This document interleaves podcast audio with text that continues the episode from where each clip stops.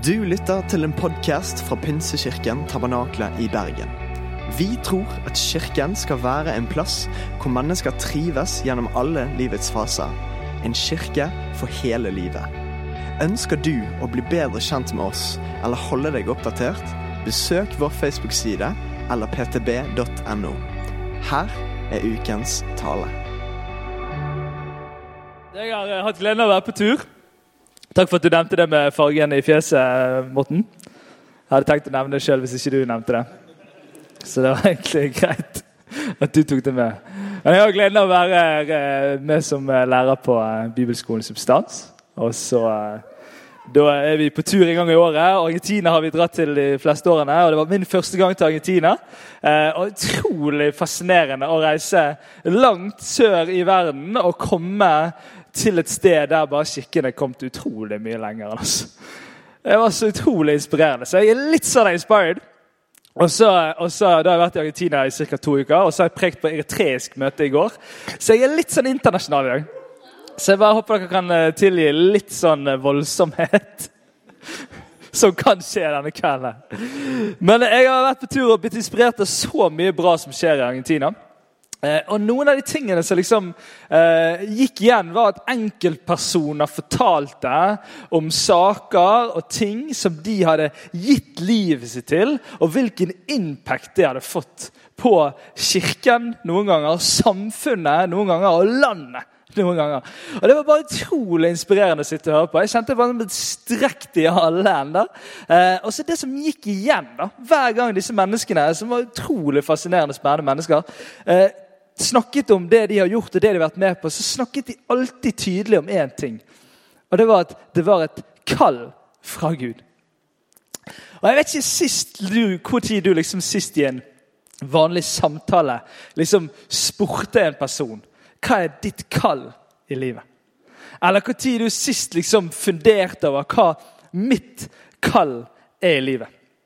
Jeg tror dette med kall, eller det å leve i et kall, er litt sånn som har skjedd med ganske mange ting i kristen setting, i kristen bevegelse de siste årene. For det som skjer, er at noen gjør et eller annet som har masse bra i seg, men så gjør de et eller annet usunt i det. Eh, og så opplever neste generasjon ah, men det var et eller annet usunt i det. Og så hopper de over til helt motsatt grøft. Og så ender man opp med å liksom bare holde seg enten helt unna det eller gjøre det på helt andre måter fordi det var noe som ikke var helt sunt i det som skjedde. Og jeg tror dette med kall da, og I dag er det, det er dagen for å ta tilbake kallet. Sier det, så sier jeg det rett ut. Eh, fordi at jeg tror det har vært litt sånn at pga. at det var noe usunt knyttet til kall F.eks. opplevde ganske mange mennesker at det var bare pastorer eller misjonærer som fikk kall, og de var A-laget. Og så var resten B-laget som skulle være med og støtte de i det de hadde kall for. Eh, og jeg tror at det er så feil. da. Hørte dere det? Jeg tror det er så feil, den måten å forholde seg til kall på. Men problemet er at vi er bare sånn, ah, men det var noe usunt med det greiene der. Så vi bare sånn her hopper over på andre siden. Så slutter vi å snakke om det totalt. Og så ender vi opp i, noe å miste noe som jeg lurer på om er verre enn at man hadde vært her borte, der det var kanskje noe usunne greier, men mennesker levde og søkte, søkte et definert kall over livet sitt. Oh, det er en sånn bold uh, statement, men jeg tror kanskje det er noe vi har mistet. Og svaret er selvfølgelig å gå tilbake i den gamle grøften. Nei, det er ikke det! For jeg tror at det kan finnes en vei på midten her. Jeg tror det kan finnes en vei på midten der man lever et sunt liv, og der Gud gir deg en hjertesak fra sitt hjerte som du gir livet ditt til, og som du lever etter, som kan kalles kall. Og du kan kalle det hva du vil. Om det er en hjertesak, eller om det er livsvisjon, eller hva det skal være. Men det, det handler om at det er noe Gud leder deg til, og som du gir livet ditt til. Så jeg skal snakke om kall her i dag. Er dere klar for det? Jeg er litt spent sjøl, skjønner du. Så da pleier jeg å spille, større, spørsmålet til andre for å høre.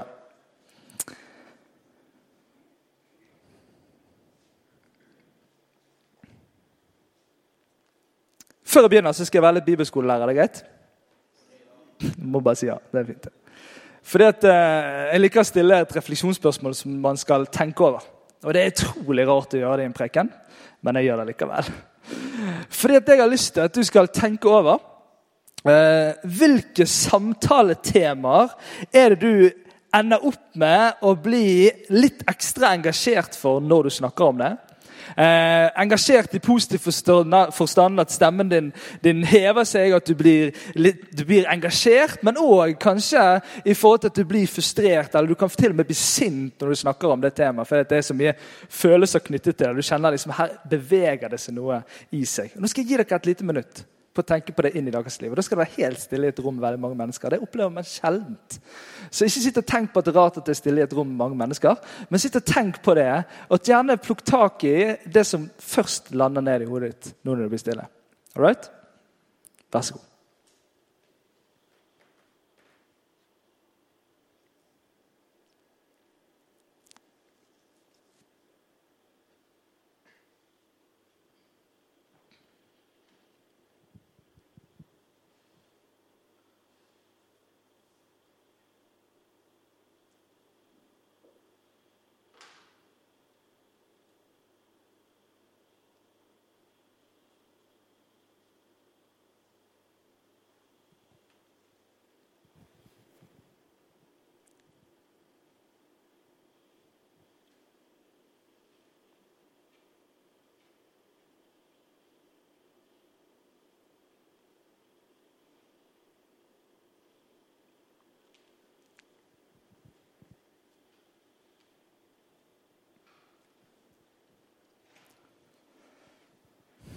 Jeg var helt sikker på at jeg skulle bli sosionom. Jeg opplevde det ganske tydelig, fordi jeg var veldig engasjert inn mot det som var mennesker som var på siden av samfunnet. Jeg jobbet på en del forskjellige boliger, og der jeg kjente liksom, dette her er noe jeg skal gjøre. Enten sosionom eller vernepleier. Og jeg liksom kjente på det at dette skal være min utdanningsvei. Det er dette jeg har lyst til å jobbe med i livet.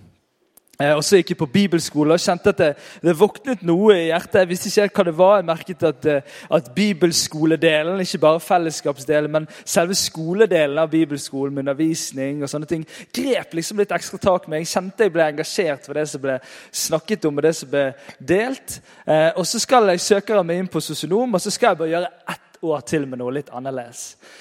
og da ga jeg liksom lovsangslederdrømmen sjansen. Jeg hadde en liten tanke om at jeg kanskje skulle bli låsangsleder. Eh, jeg tror det var en ganske menneskelig tanke jeg har funnet ut i etterkant. Eh, men jeg elsker låsang fortsatt for det. Eh, men så Derfor jeg, gikk jeg et år på årsstudium i musikk.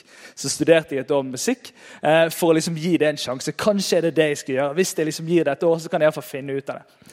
Men i dette året når jeg studerer musikk, så blir jeg utfordret til å lede et eh, studentarbeid som skulle startes, som var knyttet til misjon i Oslo.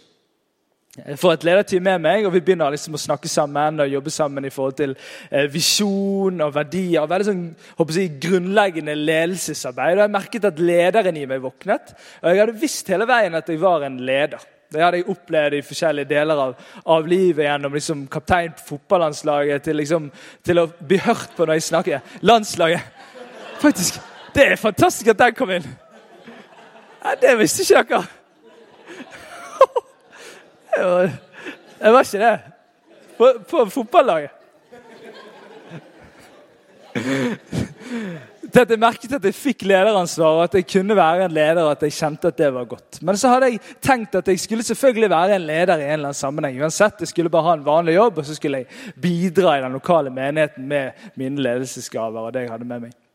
Men så er det som det former seg en tanke i løpet av dette året. Jeg studerer musikk og gjør det relativt dårlig på skolen i det faget. Og, og, men så vokser det seg fram noe nytt, noe annet. Så husker jeg en kveld jeg sa til Marit Jeg tror Marit, jeg tror jeg, det er min kone. Jeg tror at, at jeg skal studere teologi.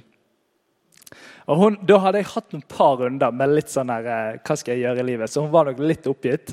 Så hun så litt sånn fint på meg så sa hun, kanskje du får deg en skikkelig utdannelse først, og så kan du gjøre det etterpå.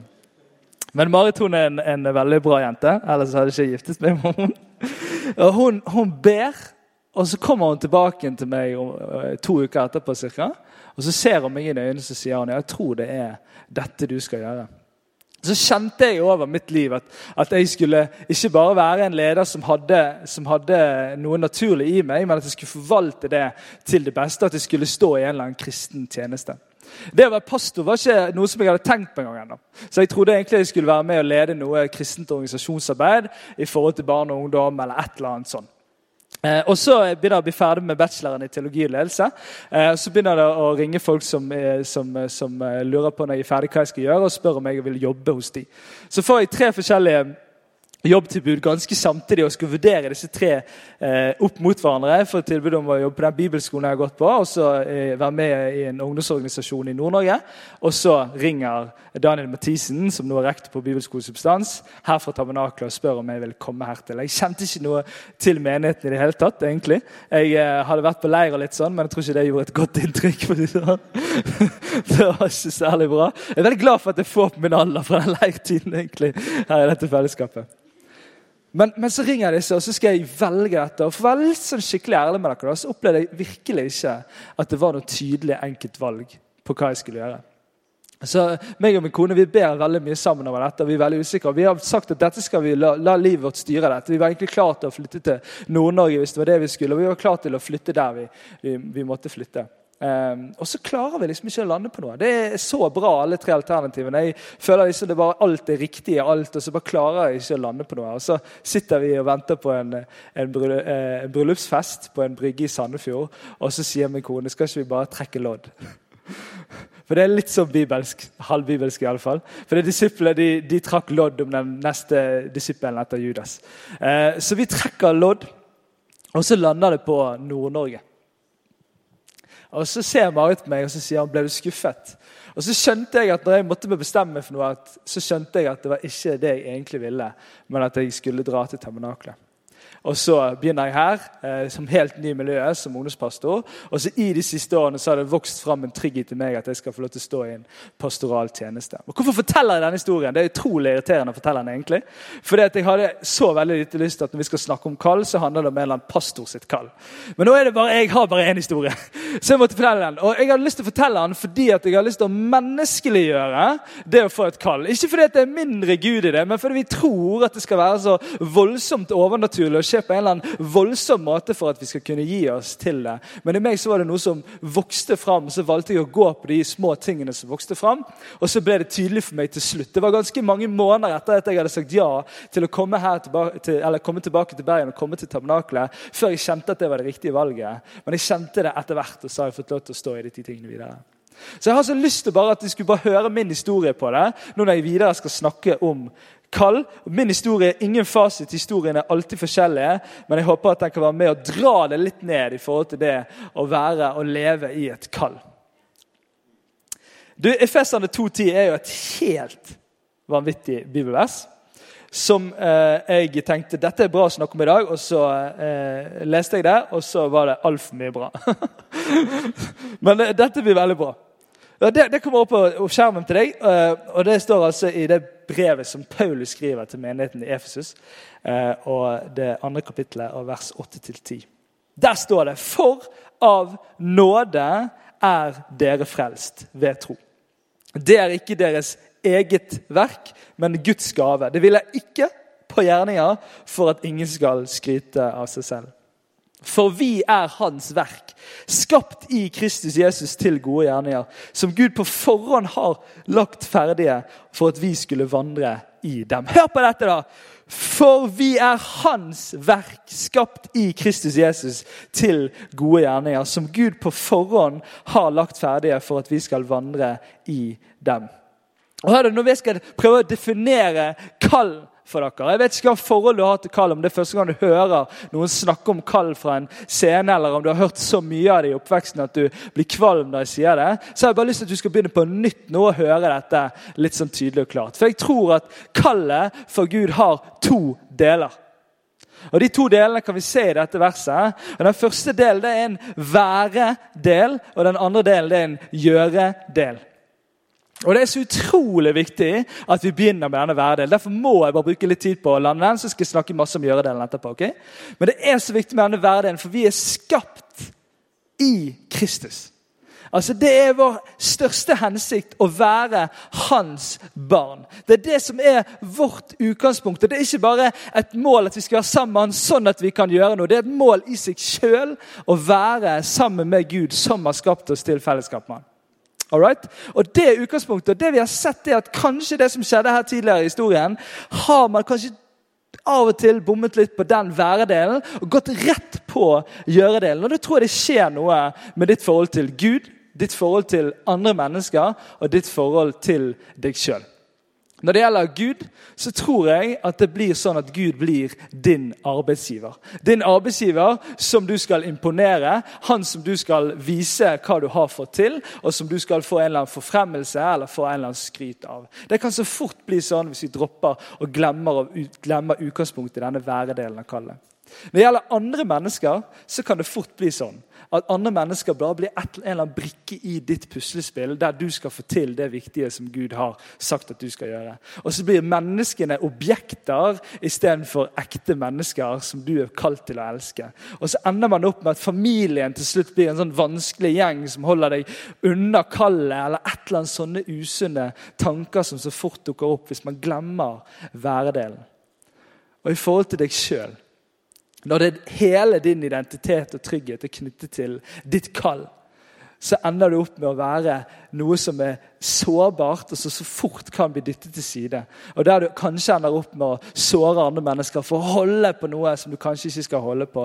Og så blir du et menneske som er sårbart på en usunn måte fordi at du har knyttet din trygghet til dine ferdigheter, eller det du får til i det kallet som du står i tror det er så viktig at denne væredelen er på plass. Du, Gud han elsket oss først. Han gjorde alt for oss først, og så får vi lov til å stå i det. og Det er en del av kallet å få være sammen med han. Og så skal vi få lov til å gå inn og, og være elsket. Så, nei, og Det handler om å være elsket. Og så skal vi òg få lov til å gå inn i de gode gjerningene som vi leser om at Gud på forhånd har lagt ferdige, så vi skal få lov til å vandre inn i det. Og På en måte kan du si at det er væredelen som er utgangspunktet, og så skal vi lede andre mennesker inn i den væredelen. Av å få lov til å være sammen med Gud, som har skapt dem til fellesskap sammen med Han. Man kan kalle denne delen som handler om å gjøre, en hjertesak som vi gir oss til fordi Gud leder oss inn i det. Og Jeg skal legge masse mer ut om det, men jeg tror disse to står igjen. da, At vi har en væredel som handler om å være elsket, være i fellesskap med Gud. Og så en gjøredel som handler om at vi er sendt. Når Jesus står foran sine disipler rett før han skal dø på korset, så ber han for disiplene sine. Så sier han til sin far i himmelen at Gud, jeg sender disse slik som du har sendt meg.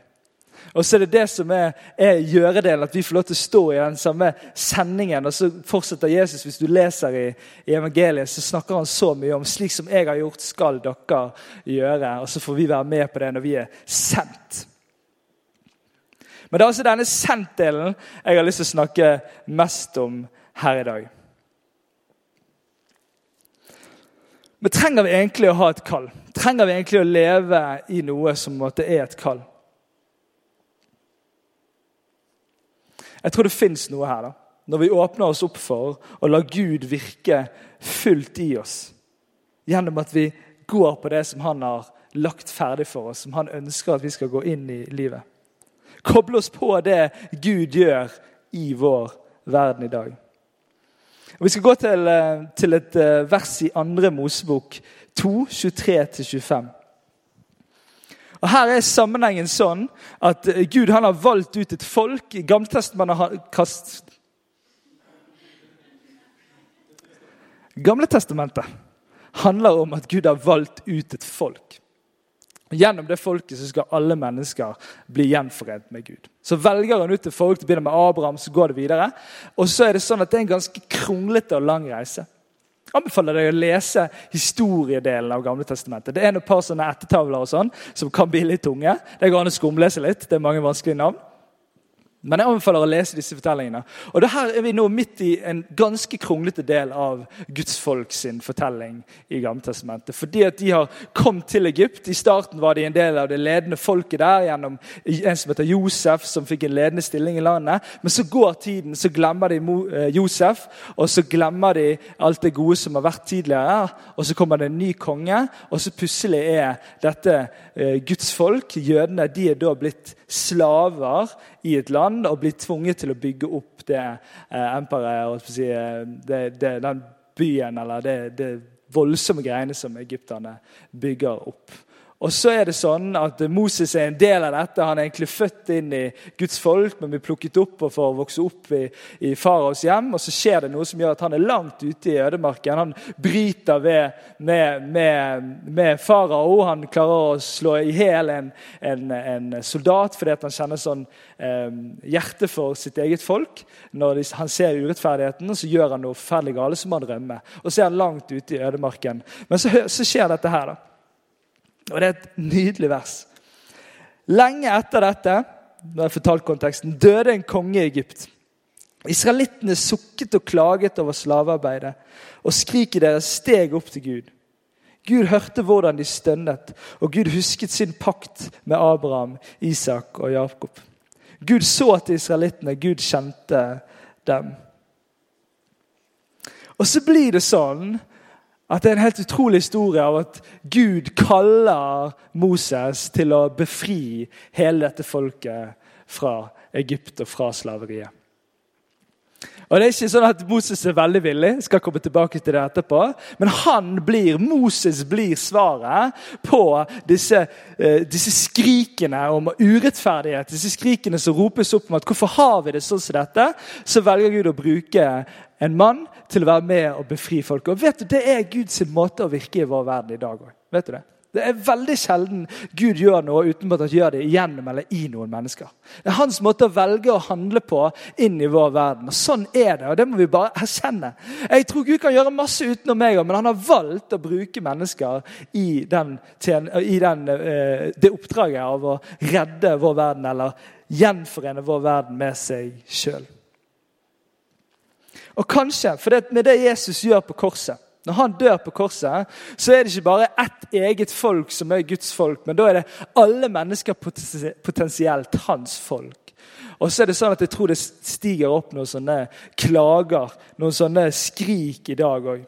Kanskje fra folkeslag som ennå ikke har fått hørt om Jesus. Kanskje er det fra ufødte barn, slaver i dag. Urettferdighet som skjer rundt omkring. Kalde nabolag, vanskelige arbeidsplasser, studiesteder som mangler fellesskap og varme.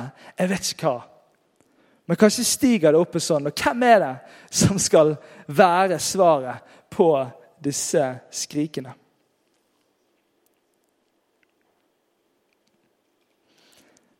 Men hvordan får man egentlig et kall? Jeg skal gi et irriterende enkelt svar. Be om å få det. Jeg tror det er det hele det starter med. Jeg tror det starter med å tenke at jeg kan ha et kall. Og så be om å få det. Og når du får det, gå på det. Det er utrolig lite kraftfullt med et kall som ikke leves ut. Gå på det.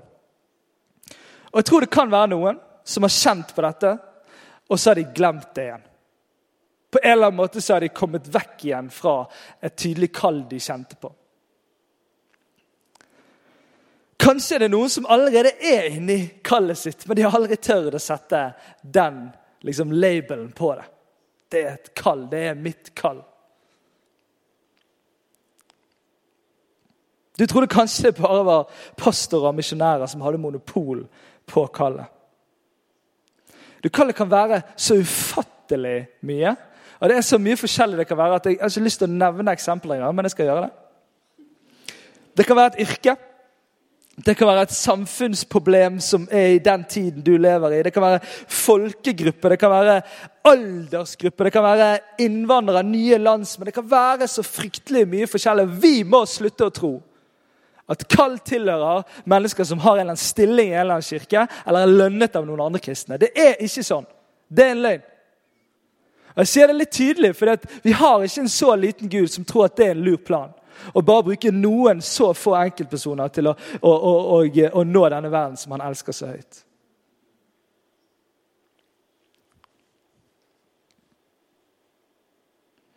Men hva om du ikke får et kall?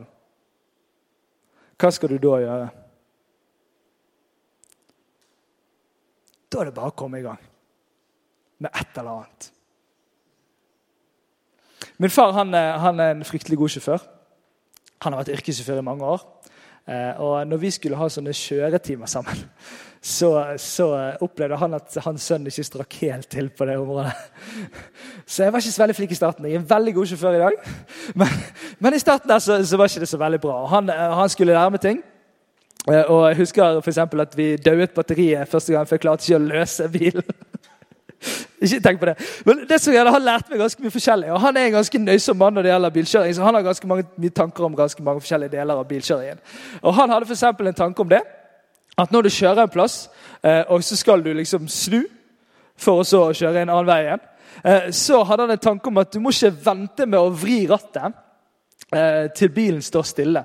Så hvis du kjører bort der, så kan du begynne å svinge sånn at du kan begynne å kjøre bakover. For dette får du minst slitasje på hjulene. Og som dere hører, så er min far en ganske nøysom mann som, som, som er opptatt av lite slitasje på hjulene eh, på bilen. Men du hører, jeg har lyst til å trekke ut to ting fra dette. Jeg tror det fins noe med å være i bevegelse. Det er en så enkel sannhet av at hjulene er lettere å vri på når man er i bevegelse. Jeg tror at vi må slutte å tenke at liksom det må være så veldig tydelig, eller jeg må ha bestemt meg og landet på at dette er mitt kall for at du kan gi deg til noe. Du kan gi deg til noe når du er i denne tiden i Bergen by, hvis du er student og ikke bor etter vann. Du kan gi deg til noe der du er i livet. Og så er det et eller annet med at hvis du gir deg til noe, så er du i bevegelse. Det er utrolig sunt med bevegelse. Jeg husker veldig godt På speiderleir fikk vi veldig klar, klar advarsel om å ikke drikke vann som er stille.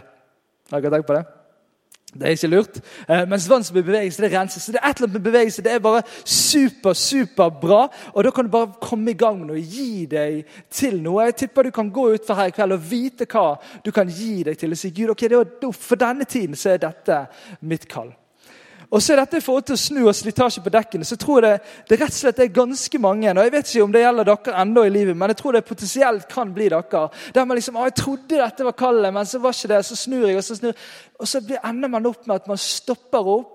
Og så begynner man å snu seg rundt, og så, begynner, så blir det noe slitasje på greiene. Og så ender man til slutt opp med at man ikke orker å være i en eller annen bevegelse. Og jeg tror Det er så viktig å bare holde seg i bevegelse. og Det At man eventuelt av og til bommer eller kjenner at nå skal jeg i noe nytt, så er det ikke noe problem. Så lenge man er i bevegelse, så kan det da gå så bra. Jeg har bare lyst til å oppmuntre til bevegelse. Både kroppslig og åndelig i tillegg. Men, men altså, jeg tenker at det her er noe viktig, å bare være i bevegelse.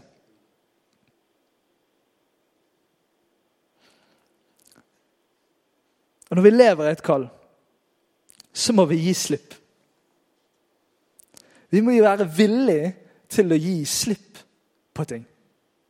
Og Jeg syns det er utrolig utfordrende å lese fortellingen om Paulus. Paulus er han som skriver de fleste av brevene i Det nye testamentet. Han er en som, som, som har høye, en av de høyeste stilling, stillingene blant religiøse ledere på sin tid. I samfunnet til og med så var han anerkjent høyt oppe, alt som skulle til. Og Så møter han Jesus på veien når han skal drepe andre kristne. Og Så møter han Jesus i et syn, og, og det skjer fantastiske ting. Og så gir han slipp på alt sammen. Og vi tenker jo ah, men Paulus ble jo tidenes fyr. Han fikk jo skrive masse av, av, Nytestamentet, og vi digger jo han. og Han var jo sikkert helt. Men det som skjedde med han, det var at han gikk fra øverst i det samfunnet til bunn. Kristne var det veldig få, de var på vei til å vokse fram, men de var ikke godt likt eh, blant de andre religiøse lederne, selv om de var godt likt i, i folket i noen deler. Men det var en helt vanvittig greie. Og så var han villig til det. Er vi villige til å gi slipp på ting? Hvis vi skal se i historien med mennesker som har levd kallet sitt fullt ut, så er det alltid et eller annet offer, et eller annet man har vært, man har vært villig til å gi slipp på. Og så må vi stole på Gud og ikke menneskelig kunnskap og trygghet. Jeg eh, hørte en historie om to barn som, som er ute og leker på isen. Og Så skjer det sånn at det ene barnet detter gjennom isen. og det blir sånn at Man kan ikke ta opp barnet fra den han datt nedi, men man må, man må, grave hull en lenger borte en plass. Og Denne gutten står helt alene på isen, tar av seg skøytene og så begynner han å slå i isen. Når han slår isen, så klarer han å slå igjennom denne isen som de står på, og så klarer han å redde kameraten. Og så kommer brannmennene og bare Hvordan er dette mulig? Hvordan fikk han til dette? Det hadde vært helt umulig for en voksen mann. til og med. Og så er liksom historien sin lærdom at det var ingen som sto der og fortalte denne gutten at det ikke var mulig. Han visste ikke at ikke det var mulig. Og hør, jeg er lei av, jeg er trøtt av samtaler der vi hele tiden snakker om ting som ikke er mulig. Jeg er lei av at foreldre sier til ungene sine at de må gjøre noe annet at, enn det de tenker de skal gjøre, fordi de må få seg en eller annen god utdannelse først. eller et eller annet. Du må få deg en skikkelig utdannelse først. Du, vi kan ikke leve Når man tror, så kan ikke man leve med den, det forholdet til livet vårt. At alt skal komme an på om jeg klarer å tenke meg fram til det logiske og at det er mulig hvis det er sånn og sånn. og sånn. Du, vi må leve med å stole på Gud.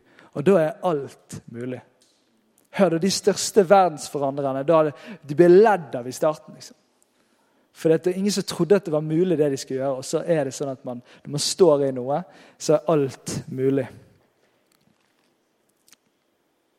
Hva om utgangspunktet er at vi har all Guds kraft og styrke tilgjengelig? Men vi minsker det gjennom vår menneskelige fornuft og logikk. Og så må vi sette vår trygghet i Gud og ikke dine egne ferdigheter. Og Er det litt interessant å se på Moses-fortellingen? Eh, kan det være sånn at han er skikkelig kvalifisert for å gå inn i Guds kall fordi at han har nada det er spansk for ingenting tro på sine egne ferdigheter?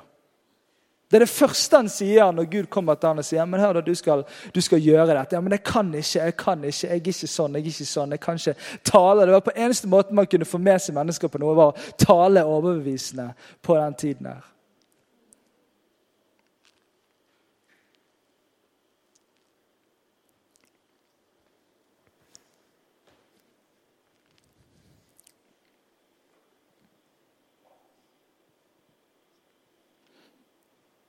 Det er en glede å ha væredelen som utgangspunkt. For da vet vi ikke at det er våre gjerninger eller det vi får til, det står på. Da blir tryggheten vår en helt annen plass. Og Da kan vi stå i noe som kommer til å koste lenger, fordi at vi vet hva vårt utgangspunkt er, og hva vi står i. Jeg er så takknemlig for at ikke det er mine egenskaper som bærer meg i mitt kall. Jeg hadde aldri orket å stå i det hvis det var det som holdt meg. Og mange ganger så må jeg omvende meg. Så må jeg omvende meg fra den tanken. Fordi at jeg ledes inn i en, en løgntanke av å tro at du fikser greiene, André. Du kan bare si noe morsomt, og så ler de. Og så blir det god stemning, og så har du gjort det du skulle. Så er det så utrolig mye mer. Jeg kjører på vei til jeg skal preke. Og Du skal høre de kjøreturene noen gang. De er fullt av sånne nødrop. Der jeg bare kjenner meg så totalt avhengig av Gud. i det jeg skal gjøre. Dette er ikke en, er ikke en måte å glorifisere meg sjøl for, men jeg, bare, jeg bare fortelle om det. At dette er en så stor del av mitt kall. Det å være totalt avhengig av Gud. Og det å slutte å stole på egne ferdigheter. Jeg er ikke for et usunt, dårlig selvbilde. Jeg tror ikke det er bra for noen av oss. Vi skal ikke grave oss ned på det. Men hvis vi begynner å stole på det når vi går inn i Guds kall, det varer det ikke lenger. Altså.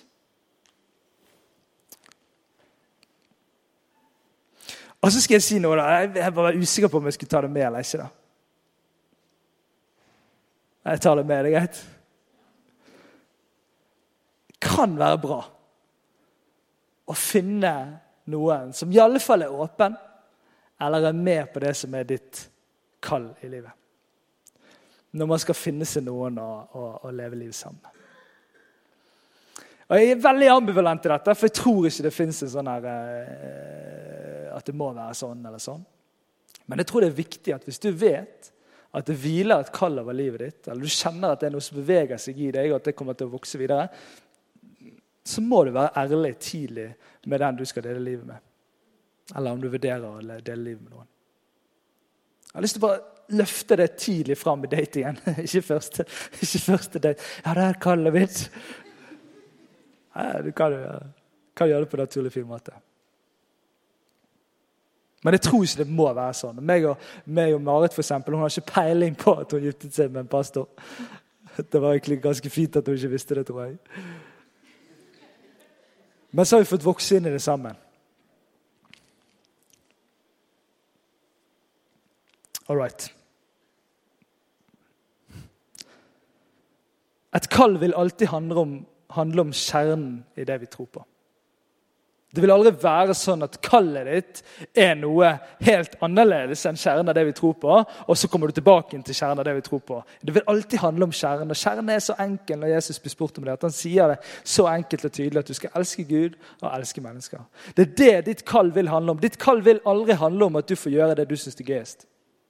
Det kan godt være det er en kombinasjon av at det du syns er gøyest, er det som er ditt kall, og det fører andre mennesker nærmere Gud, og det fører deg nærmere Gud. Men det vil aldri være det som er utgangspunktet. At liksom, fordi jeg liker det, eller jeg får gjøre akkurat det som jeg vil. Jeg sier det til deg tidlig i livet, sånn at du ikke kjører deg fast i et eller annet spor som der du tror at det er det eneste jeg kan gjøre for å leve ut kallet mitt, er akkurat dette. For det er ikke sikkert akkurat dette er mulig å gjøre når du har to kids og ikke sover om natten. Kan være for noen.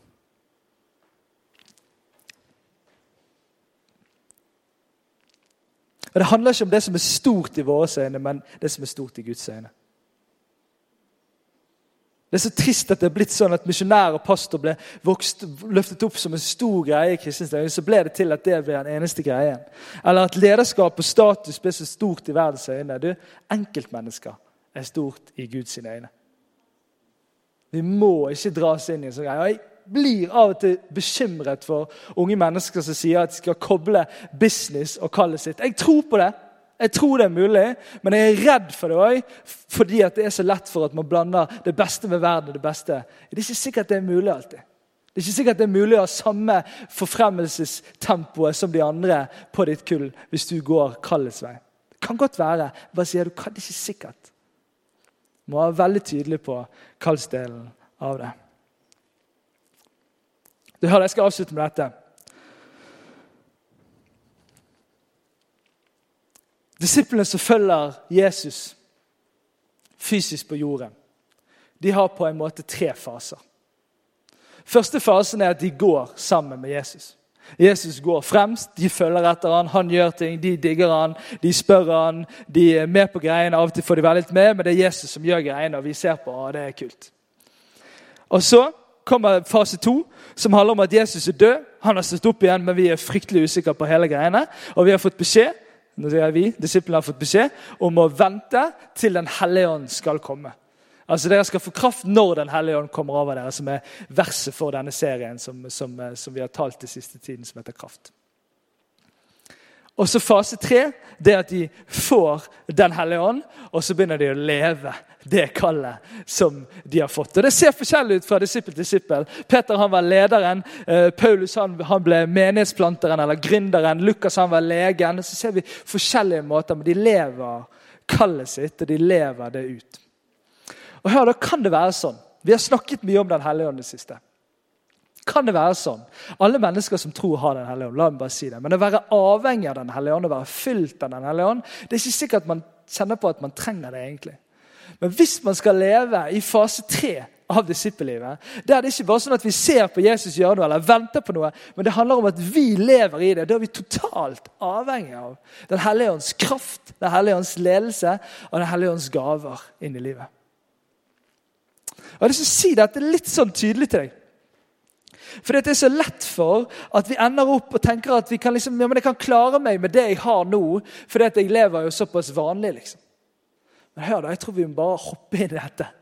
Og jeg tror dette er en fantastisk mulighet, ikke en byrde. fantastisk mulighet til å være med på det som Gud gjør i verden vår i dag. La oss se om en kan komme fram. Det var mye, dette. her, Jeg kjenner på det også, Men, men det, det, var mye på hjertet mitt i forhold til dette. og Vi skal snakke masse mer om dette senere. og Det kunne vært liksom en taleserie i seg sjøl. Men hør, da. Vær med meg nå til slutt. her. Ti av tolv disipler er det stor sannsynlighet at dør for det som de tror på. Det var ikke sånn at de var med når det var kult. Når Jesus var der, og det var masse folk, og de begynte å snakke om dem, og det skjedde mye kule greier De var der helt til slutt. De var utholden og trofast. Og jeg har lyst til å si dette litt skikkelig, for vi av og til glorifiserer vi kallet. Kanskje var det en av tabbene man gjorde før òg. Så lenge du er i kallet, da går alt bra for deg. Da kommer alt til å være fantastisk. Liksom. Nei, det kommer ikke til å være sånn. Det kommer til å koste. Og Hvis ikke man da er tydelig på at man ønsker å være utholdende og trofast i det Og jeg tror disse disiplene de hadde skjønt noe. Det står i første Tessalonikerne. Det står mange andre plasser òg. Men her står det i første Tessalonikerne 5. Så står det dette at Trofast er Han som kaller dere til dette. Han skal også fullføre det. Han skal også fullføre det. Du, når vi lever ut kallet vårt Vi har ikke dårlig tid på dette, men når vi lever ut kallet vårt, da blir menigheten akkurat som kroppen den skal være. Med alle de forskjellige kroppsdelene som gjør akkurat det de er ment til å gjøre. Lever ut det som hodet forteller at de skal gjøre. Og så fungerer man som en helhet sammen, som en enhet. Da kan vi se ting skje. Om det er lover i landet vårt som skal forandres, eller om det er byen vår som skal forandres, eller om det er nabolaget ditt, eller om det er studiekameraten din som skal forandres, så tror jeg det ligger så ufattelig mye i dette.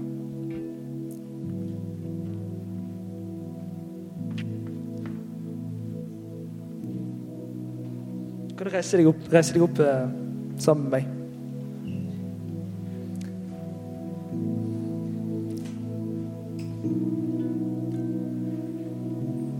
Jeg vet ikke hvor dette lander i ditt hjerte. En plass jeg ikke vil det skal lande, er en eller annen dårlig samvittighet for at jeg ikke har levd i et eller annet kaldt til nå. Jeg har bare lyst til å avsløre den med en gang. Okay? Jeg håper du har hørt meg i at vi får lov til å være elsket og sendt. Vi lever i begge deler hele tiden. Men jeg har så tro på det. At en ung generasjon kan forandre så mye om de gir seg til noe som Gud leder dem til. Og Jeg har lyst til å be en bønn over ditt liv om det. Om det at du skal gjenoppdage noe som du kjente en gang at det var kallet ditt. Eller om du skal oppdage det for første gang. Så jeg har lyst til å be om det. Så hvis du bare lukker øynene der du står, så har jeg lyst til å be over livet ditt her og nå.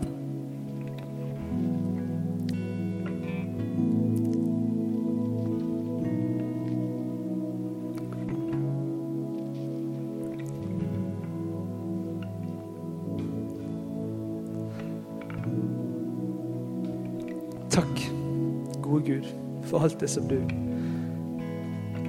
ønsker å gjøre i vår verden og i våre liv. Takk for at det er bare godt. Det er fylt av kjærlighet. Og jeg bare ber om at du planter ned i hvert hjerte nå. Om du vekker opp igjen noe som måtte vekkes opp, eller om du planter noe ned, så bare ber jeg om at det skal skje her. Så ber jeg om at denne kirken, dette fellesskapet, skal være verdens beste sted å leve ut sitt kall. Og jeg bare ber om en sunnhet i forhold til dette med kall. Og jeg bare ber om, om, frihet fra enten ting man har hørt og historier som har trykket ned fordi at man ikke nevner dette ordet engang. Så bare ber jeg om en ny start. For det å kunne tro på at du har et kall. Kunne gi seg til noe med hele seg. Og jeg bare ber for hvert enkelt liv her.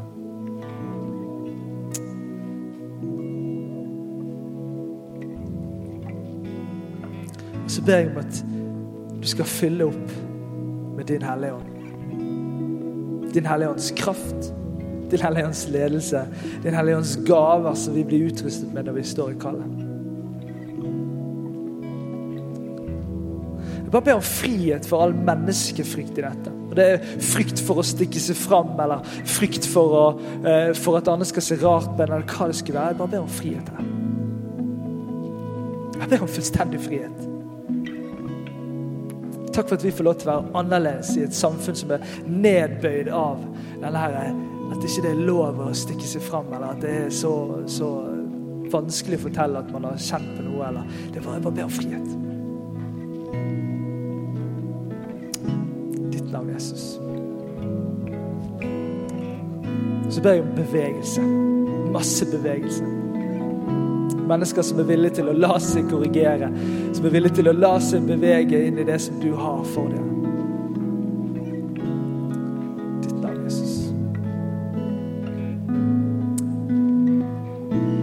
Vi skal gjøre noe som vi ikke gjør så veldig ofte. Men vi ønsker å ha forbønn eh, framme på den siden og på den siden. Og Jeg har lyst til spesielt utfordre deg som det handler om. Det handler om noe med kall som traff deg i dag, eller som du kjente bevegde seg i deg. Jeg har bare lyst til å utfordre deg til å gå på det nå. Start i dag med å gå på det. Eh, Og så har jeg lyst til å utfordre deg også, som kanskje de siste ukene har tenkt og kjent mye på dette med Den hellige ånd. Jeg har lyst til å utfordre deg til å gå og bli bedt for meg. Tror det fins en enkel bønn der man enkelt kan be om at la han bli fylt av Din hellige ånd. La han få tale til å, tunger til å tale i sitt bønneliv. For det er en enkel bønn. Det er ikke noen voldsomme greier som kommer til å, å, å riste huset, men vi tror at det er noe så naturlig for det kristne fellesskapet. Og Jeg har bare lyst til å utfordre deg nå til å la det være frihet i dette rommet. For din egen del og for andre rundt deg. Så står disse menneskene klare her foran til å be for deg. Du kan si hva det gjelder, eller du kan droppe å si det. Det er helt opp til deg. Men vi ønsker bare å be for deg. Og Jeg tror det er så mye kraft i bønn. Og det å få lov til å legge hendene på hverandre og be. Jeg tror det er noe utrolig viktig og utrolig bra, eh, som jeg tror vi gjør for lite. Nå skal vi bare gjøre dette sammen som fellesskap. Vær trygg der du er på om du står eller går fram. Helt opp til deg.